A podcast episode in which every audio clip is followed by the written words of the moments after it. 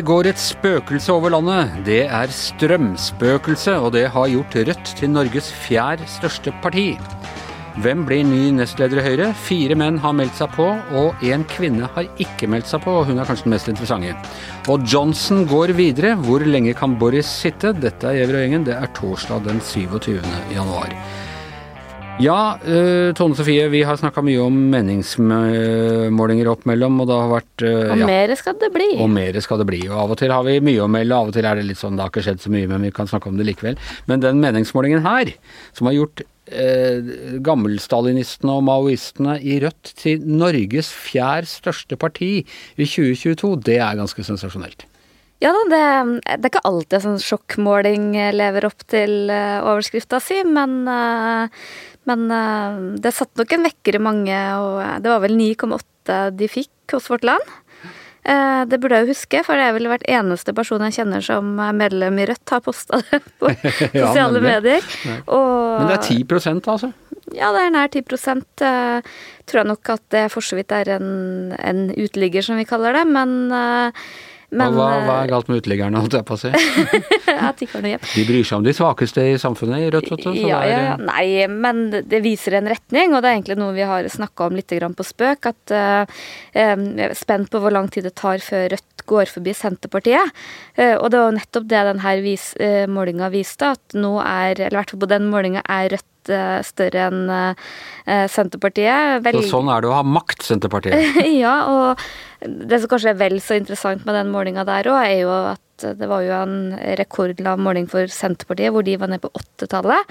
Også hvis du ser på gjennomsnittsmålinga for januar, så er Senterpartiet under den magiske 10% Og det sier jo lite grann da, om hvor utrolig fort eh, mange velgere flytter på seg. Ja, og fortere enn noensinne, må man jo si. Altså Senterpartiet på disse tider i fjor, i fjor var jo høyt oppe. Ja, det er halvert ja. uh, uh, på et år. Uh, Og på mye av det, altså de samme tingene. altså Dette er jo ikke, dette er jo ikke Rødts mest radikale retorikk. Det går jo rett og slett på, på det som plager folk flest, nemlig strømregningen.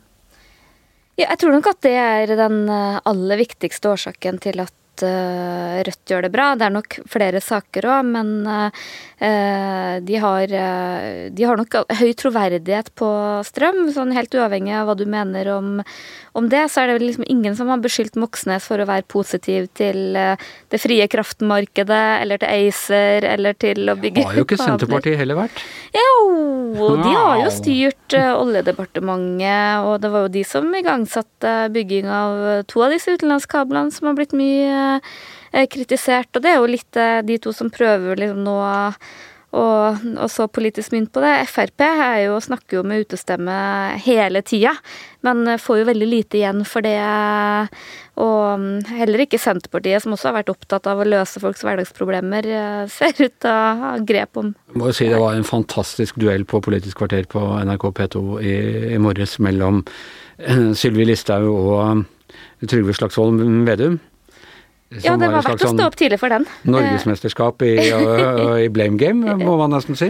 Ja, det var eh, Angrep er det beste forsvar, og det var jo to stykker som eh, begge har eh, hatt et betydelig ansvar for den kraftsituasjonen, eller kraftmarkedet Norge er en del av, som overhodet ikke tok noe sjølkritikk. Eller eh, heller ikke sånn skisserte noen sånn troverdige løsninger, men bare angrep hverandre. og det var jo noen eh, fornøyelige øyeblikk når Vedum beskyldte Listhaug for å fare med store, tomme ord, mens Listhaug beskyldte Vedum for å bli tatt med buksene nede. Så det var Det eh, var mye indre bilder der. ja, det, var- mye av det, og det er også eh, to av de politikerne i Norge som eh, kanskje best behersker litt sånn eh, enkel retorikk, enkle løsninger i opposisjon, men som begge to kaver nå ja, definitivt ser sin overmann i Bjørnar Moxnes og Rødt. Men er det det norsk politikk etter hvert koker ned til? Altså mesterskap i enkle løsninger på tross alt ganske kompliserte problemer, viser det seg når man da har makt? Altså for verken, verken Senterpartiet eller, eh, eller Fremskrittspartiet ønsker at det skal bli høye strømregninger. Nei, det Eller det er ikke noe de altså, De vil jo for enhver pris unngå sånne ting. Absolutt, og det var jo også interessant når NRK hadde jo gravd i arkivene og funnet gamle klipp fra tidligere olje- og energiministre fra de to partiene som var helt sikre på at det her var en fantastisk løsning for norske strømkunder og, og for alle parter. Så, sånn, politikk er jo komplekst. Det er jo ikke alt man overskuer. Eh, det henger sammen med mange ting, og det er jo litt også hvordan man klarer å håndtere det. Men uh, det var veldig interessant det Vedum André, Det er litt, sånn mansplaining til Listhaug, vil jeg nesten si, om at det er ikke de store ordene som betyr noen ting. Det er resultatene av politikken og handlingene dine. Det var det og, en del prøvde å si til, til Vedum her for et ja, år og det er jo liksom, Før de har rukket å sitte i 100 dager, så um, er jo Senterpartiet forbigått av Rødt og, og under titallet på målingene, så de får jo virkelig eh, smake litt på hva det koster å ha, ha makt, og, og, hvor mye vanskeligere det er i praksis. Og ja, de har jo fått en dårlig start, og da det skal vi jo til. Hvordan skal Rødt klare å forvalte dette pundet de, de nå er? Det er lenge til neste valg.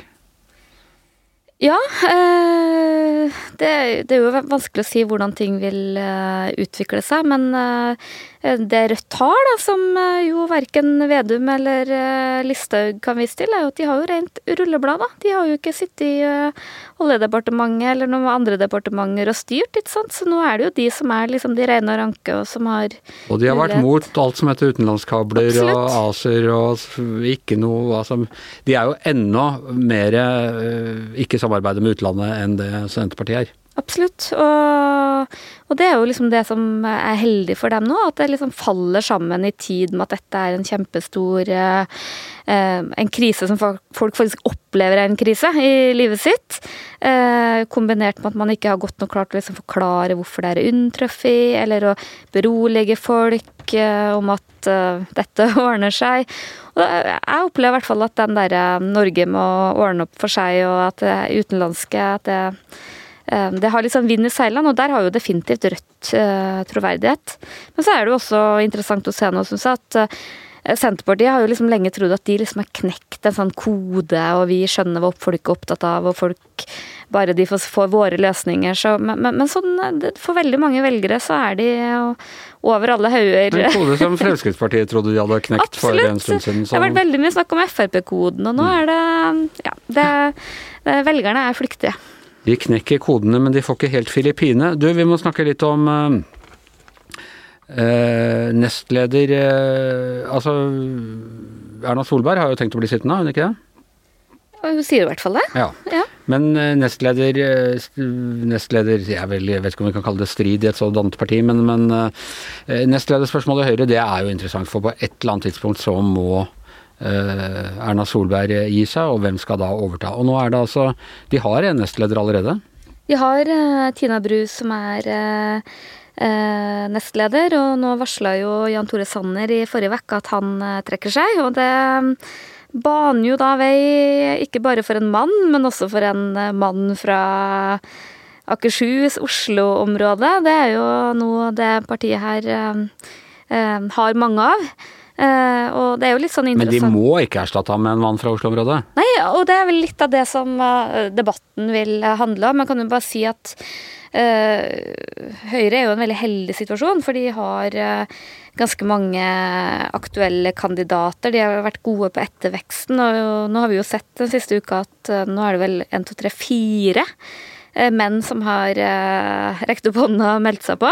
Hvem er det? Eh, jo, den, den, ene er jo den som på en måte lenge har blitt ansett som en favoritt. Eh, og kronprins Henrik Asheim, som har vært statsråd, leder av Bærum Høyre er han vel nå. Det blir ikke mer Det må være Frogner Høyre eventuelt? ja, vi kommer dit. Eh, vært leder av Unge Høyre og liksom vært en sånn yndling, veldig god i debatter og sånn, men for han har du selvfølgelig kommet i skyggen av Jan Tore Sanner. For to menn fra Bærum blir vel eh, litt mye, og det er vel han som jeg vil si liksom har forspranget og, og er en, eh, en favoritt. Mens en, en, annen mann fra Oslo vest, eh, Nikolai Astrup, har jo også i hvert fall sagt at han er kandidat. Eh, han har jo også kommet litt sånn i skyggen av en del andre, har jo også vært statsråd, men litt sånn eh, man skinner liksom ikke så veldig mye som utviklingsminister eller digitaliseringsminister som han har vært. Har en veldig sånn veldig respektert og godt likt internt i Høyre. Og en sonor stemme? Ja, absolutt. Men kanskje også blitt litt sånn i den grad det liksom blir brukt mot folk at du er en uh, hvit mann fra Oslo vest med formue, så, så, er kanskje han litt i den kategorien. Jeg tenker at det kan brukes mot nesten alle partier. Hvit, hvit mann fra Oslo vest med formue, ikke noen fordel, bare spør Jonas Gahr Støre. Men, ja. men, akkurat i, i, Høyre så trodde jeg det var, eh, at det var liksom det siste partiet hvor det faktisk var velansett å være en velstående mm, mann fra Oslo vest? Ja, altså liksom de lærde spri, strides nok lite grann om eh, eh det, men eh, det, det har i hvert fall blitt ansatt at det også kan bli brukt litt grann mot han, men at han eh, har en eh, sterk posisjon internt i partiet, tror jeg. Men jeg tror nok at eh, Asheim kanskje har et mer sånn forsprang likevel. Eh. Men hvis Arbeiderpartiet kan ha statsminister som er velstående mann fra, fra Oslo vest, så må vel eh, Høyre kunne ha det òg? Ja, ja. Det er absolutt. Eh, det er bare sånne forklaringer jeg liksom har hørt på at han Eh, kanskje har vært litt i skyggen, da, men, eh, men aller høyeste Det var vel kanskje særlig For han var jo aktuell som eh, finansminister, mm. og ble jo og finanspolitisk talsperson. Da veit jeg at det var en diskusjon. Han ble jo kommunalminister, det var det siste han gjorde i, i regjeringa. Nei, men, men det som liksom kommer til å bli litt sånn debatten, tror jeg, er jo Eh, skal vi ha en eh, person fra sentrale østlandsområdet, hvor Høyre har veldig mange velgere, og hvor det selvfølgelig er viktig for de å gjøre det bra? Eller det som er den evige diskusjonen, da, om man trenger eh, noen fra distriktene. Og der er det jo to fra Nord-Norge som har Eh, kom jo opp. Den ene er eh, Erlend Svardal Bø fra Troms, som er kanskje ikke så kjent for mange. Var eh, rådgiver for Bent Høie da han var helseminister under koronaen, og hadde nok en finger med i spillet for mange av hans populære taler. Også en veldig vel ansett lokalpolitiker i Tromsø, og kom helt fersk på Stortinget nå. Og den andre som har meldt seg, som det er nok Eh, kommer til å bli mest rock'n'roll rundt, tror jeg, er Bård Ludvig Thorheim eh, fra Nordland, eh, Bodø. Det litt spesielle med han er at han, han har jo for vært i Høyre en stund, men har også bakgrunn fra E-tjenesten og diplomatiet, vært rådgiver for Børge Brende, om jeg ikke husker feil. Og kom liksom veldig inn fra sidelinja, bosatt i Oslo, klarte å utkonkurrere de sittende stortingsrepresentantene i Nordland Høyre. og og vant rett og slett eh, nominasjonen med å reise Er det hans bakgrunn fra etterretningen som er Jeg får sånn Putin-vibber her. Eh, men det han i hvert fall gjorde, da, var at han eh, reiste liksom Nordland på tvers og kryss og tvers. Det er jo 46 kommuner eller noe sånt der. Og i en sånn der stor van og besøkte alle og hadde sånne grillparties og og rett og slett bygde seg opp liksom helt ja. fra scratch og klarte å vinne. Som politikere gjorde i gamle dager? ja, og fått en del oppmerksomhet på det. Og, litt det samme liksom han kom inn i sentralstyret og litt sånn Litt mer sånn person som eh, melder seg, da. Så definitivt et friskt uh, pust og en som mange tenker har mange muligheter, da. Så det men helt før vi gir oss, hvor er Ine Marie Eriksen? Ja, det var jo akkurat det, da. For eh, hun er vel den av de som virkelig kunne komme seilende inn på et Hva heter det? På et oljeblad? Fikenblad? Bananskall? Det er fikenbladet du selger inn på? Nei. Banan, ja. ja. Uh, hvis hun hadde villet Skline inn på et bananskall? Ja, det er kanskje ikke så bra. Nei, det tror jeg ikke. Nei, det er ikke hennes stil heller. Uh, for hun har jo på en måte vært Har jo en så sterk stilling i Høyre at hun kunne jo fått omtrent uh, alle posisjoner, men er jo ikke den som rekker opp hånda. Hvis ikke det har skjedd veldig mye i kulissene som ikke jeg har fått med meg, så fremstår vel ikke hun som den som uh, er mest gira på det her heller. Uh, så det virker ikke som at det blir uh, Ine som utpeker seg som ny Hvis hun hadde blitt, så hadde, det vært, hadde Høyre vært ledet av tre kvinner i så fall. Det hadde ja. vært historisk, hadde ikke det?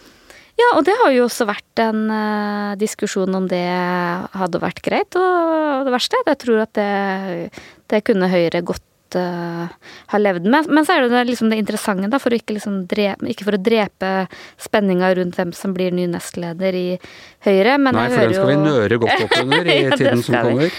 Så mange sier at det er ikke sånn i Høyre at du må ha vært nestleder først for å bli leder. Nei. Det er de veldig opptatt av å presisere at sånn er ikke vi i Høyre. Ok, ja det er litt surt for de som har vært nestleder. Jeg vet den tror at det skal føre til lederskap. Men, eh, men vi, skal, vi skal høre eh, mer om dette i tiden som, eh, som kommer. Det kan jo hende at eh, vi kan lansere en eh, femte mann og kandidat eh, inn som nestlederkandidat i Høyre. Ja, hvem er det? Er det noen igjen nå? Boris. Boris Johnson, ja nemlig. Yngve Kvistad, velkommen i studio. Takk, takk. Du hørte ikke eh, innledningen her, men jeg, jeg siterte en gammel revytekst fra Chat Noir med eh, Einar Rose. 'Johnson går videre'. Eh, Det er ikke så mange andre enn du og jeg i dette huset som har hørt det. Eller nå går han på gummisåler. Nei, det ja, det, det gjør han vel ikke egentlig akkurat? Gjør han det? Litt uh, begge deler. Altså, han sjøl har delvis uh, gjort det, men nå har han jo fått folk rundt seg til å begynne å Han går på gummisåler gjennom festen. narrativ. Ja, ja noe sånt. Ja. Fordi eh, jeg får jo dette inntrykket av Boris Johnson som den gamle serien med, med Yes Prime Minister.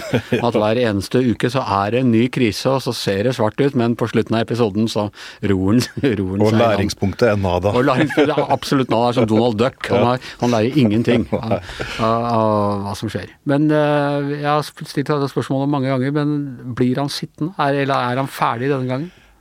Nei, altså han, han blir jo sittende fram til han, til han blir felt, da. Eller eventuelt. Uh, nå sitter han jo for så vidt også ganske trygt i den forstand at det er ingen direkte utfordrere. Uh, det er jo to riktignok som driver og posisjonerer seg på en måte ved at de ikke uh, forsvarer en i noe særlig grad og er, er litt usynlig, sitter stille i båten. Det er nok en form for taktikkeri, vil jeg tro. Eh, men fortsatt så er det jo heller ikke innlevert de berømte 54 breva til den der Som vi har snakket om siden 8. desember, eller når det var. ja. Eh, et annet eh, aspekt da, som har vært mindre snakka om, og det er jo at også lokallaga har, en, har en ting å si når det gjelder valg og leder. Og Det er samme funksjon som med det 1922-komiteen. og det er at Hvis så mange som 64 eller 65 lokallag, lokalavdelinger, eh, melder inn til partiledelsen at de ønsker et, eh, en- lederdebatt eller lederskifte, eh, så, så er det ingen eh, det er ingen lov eh, i partiet som tilsier at da må de ta den lederdebatten, sånn som det er f.eks. med 1922-komiteen. Men det er eh, presedens for å gjøre det. Og det var jo for så vidt det som eh, som Theresa May eh, sleit med i, sin tid, at det var opprør i lokallaget lokallagene. Så han var nødt til å ta den eh, lederdebatten, som også førte til at du var nødt til å gå av. da. Men nå, nå er det kriminell etterforskning. Ja, og, og det- og dette er England, det er ikke USA. Nei, og det er jo det som er på en måte eh, the turning point, som heter på godt norsk, i den saken her. For at fram til nå så har faktisk en god del av, av Labour-parlamentarikerne kunnet liksom eh, spinne på den historien om at eh, ærlig talt, altså, det er for trivielt å felle en statsminister på at han har gått på en fest, eller på at han har spist eh, bursdagskake, eller, eller hva noe er det. Ja, han har brutt uh, en, en, en lov, eller altså en, en covid-restriksjon, men hvem har ikke det, osv. Men i det øyeblikket at det ble altså såpass alvorlig at Sue Gray, denne byråkraten som etterforsker denne saken, har funnet det eh, tilrådelig for sin egen del, altså ut ifra de funnene han har, å sende over deler av, eh, av de funnene til eh, Metropolitan Police, altså London-politiet. Og de har vurdert det som at dette er såpass alvorlig at dette må etterforskes. Så har saken fått en ny vending. og Det betyr at de, de parlamentarikerne som har sagt at dette er for trivielt, de har nå de kan ikke spinne den på den historien lenger. Og Der ser man jo også i parlamentsgruppa nå. eh, Jeg snakka akkurat med en, eh, med en kollega som går på, som er i Westminster, da, og han sier jo at den eh, tilsvarende stortingsrestauranten vår, da, altså, eller det de kaller The Tea Room, er nå blitt en sånn, nærmest en sånn bunker for, for de som forsvarer Boris Johnson. Men der er det ikke mer enn 100 stykker. Så det betyr at uh, The Whips Office, altså innpiskerne, de som, da, som har til jobb for å sørge for at regjeringas eh, politikk blir fulgt, og at uh, parlamentarikerne stemmer sånn som de skal, de har ikke kontroll på mer enn 100 av dem som sitter i parlamentsgruppa. Det betyr at det er ca. 250 som ennå ikke har bestemt seg. Og det mange tror, er jo at blant dem så finnes det godt over 50 stykker som kan tenke seg å sende inn et brev når den rapporten blir Ja, kjent. da. Ja. helt ja. Men, men fortsatt er jo Men øh, altså Jeg sjekka akkurat for Viken her nå, og rapporten er fortsatt ikke kommet til, til Downing Street. da.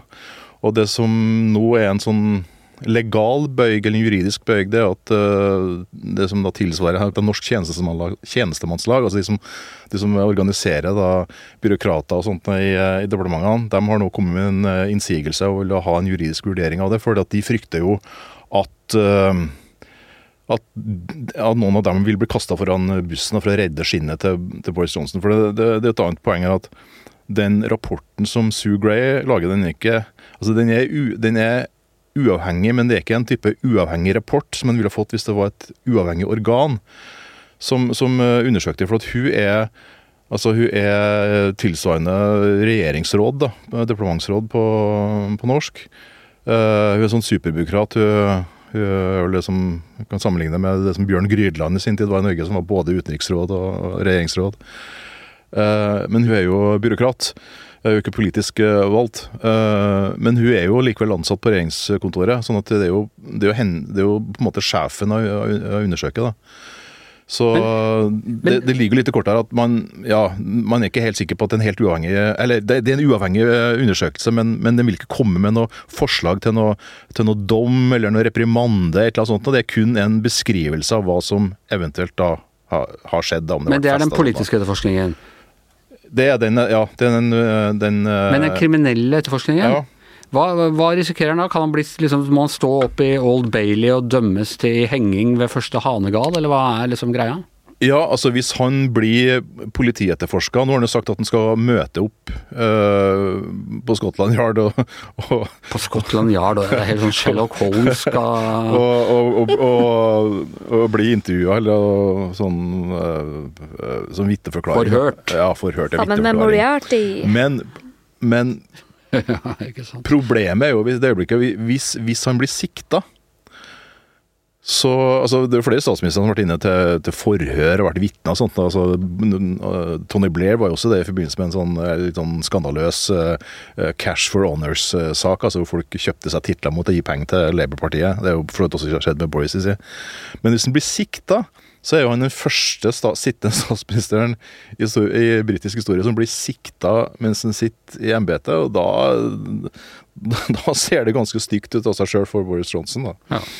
Men så kommer neste uke, og da er vi på'n Ja. igjen, og det er nye fester, og Johnson eh, går videre. Ja, nei, det, det som øh, også er et problem nå for Boris Johnson, det er at øh, de som forsvarer ham, har tatt litt for mye Møllerstrand. Altså vår venn Jacob Rees-Mogg, som vi har snakka om øh, tidligere, altså majoritetslederen i Underhuset, han, har jo, han var jo på BBC Nightline her for to kvelder siden og dikta opp en ny eh, grunnlovspassus eh, som, som sa at hvis Boris Johnson eh, kom i trøbbel og måtte gå, så måtte de utlyse nyvalg. Altså det, det er jo bare tull. Altså, Det ja, det fine med at vi ikke har noe grunnlov, at du kan bare Blant annet. Ja.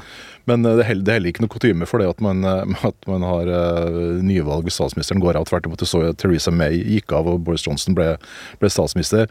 Men det er jo sånn som prest. Altså man, man forsøker da å legge på da, de, særlig de nye parlamentarikerne, de som ble valgt inn i 2019, på at, eh, at ja, ja, hvis dere stemmer, hvis dere sender inn brev nå og, og kaster statsministeren, så blir det nyvalg, og da får dere i hvert fall ikke noe uh, fortsettelse.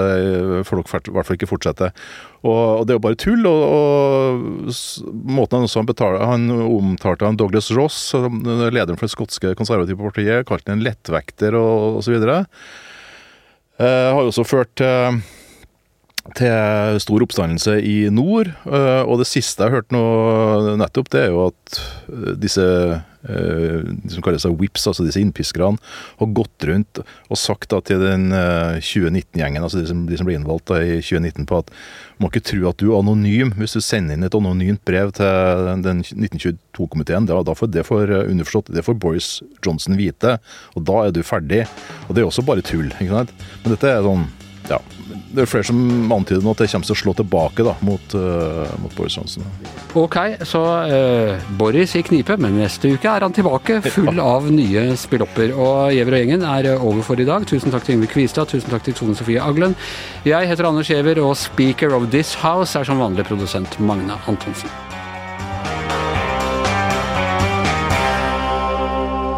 Du har hørt en podkast fra VG. Ansvarlig redaktør, Gard Steiro.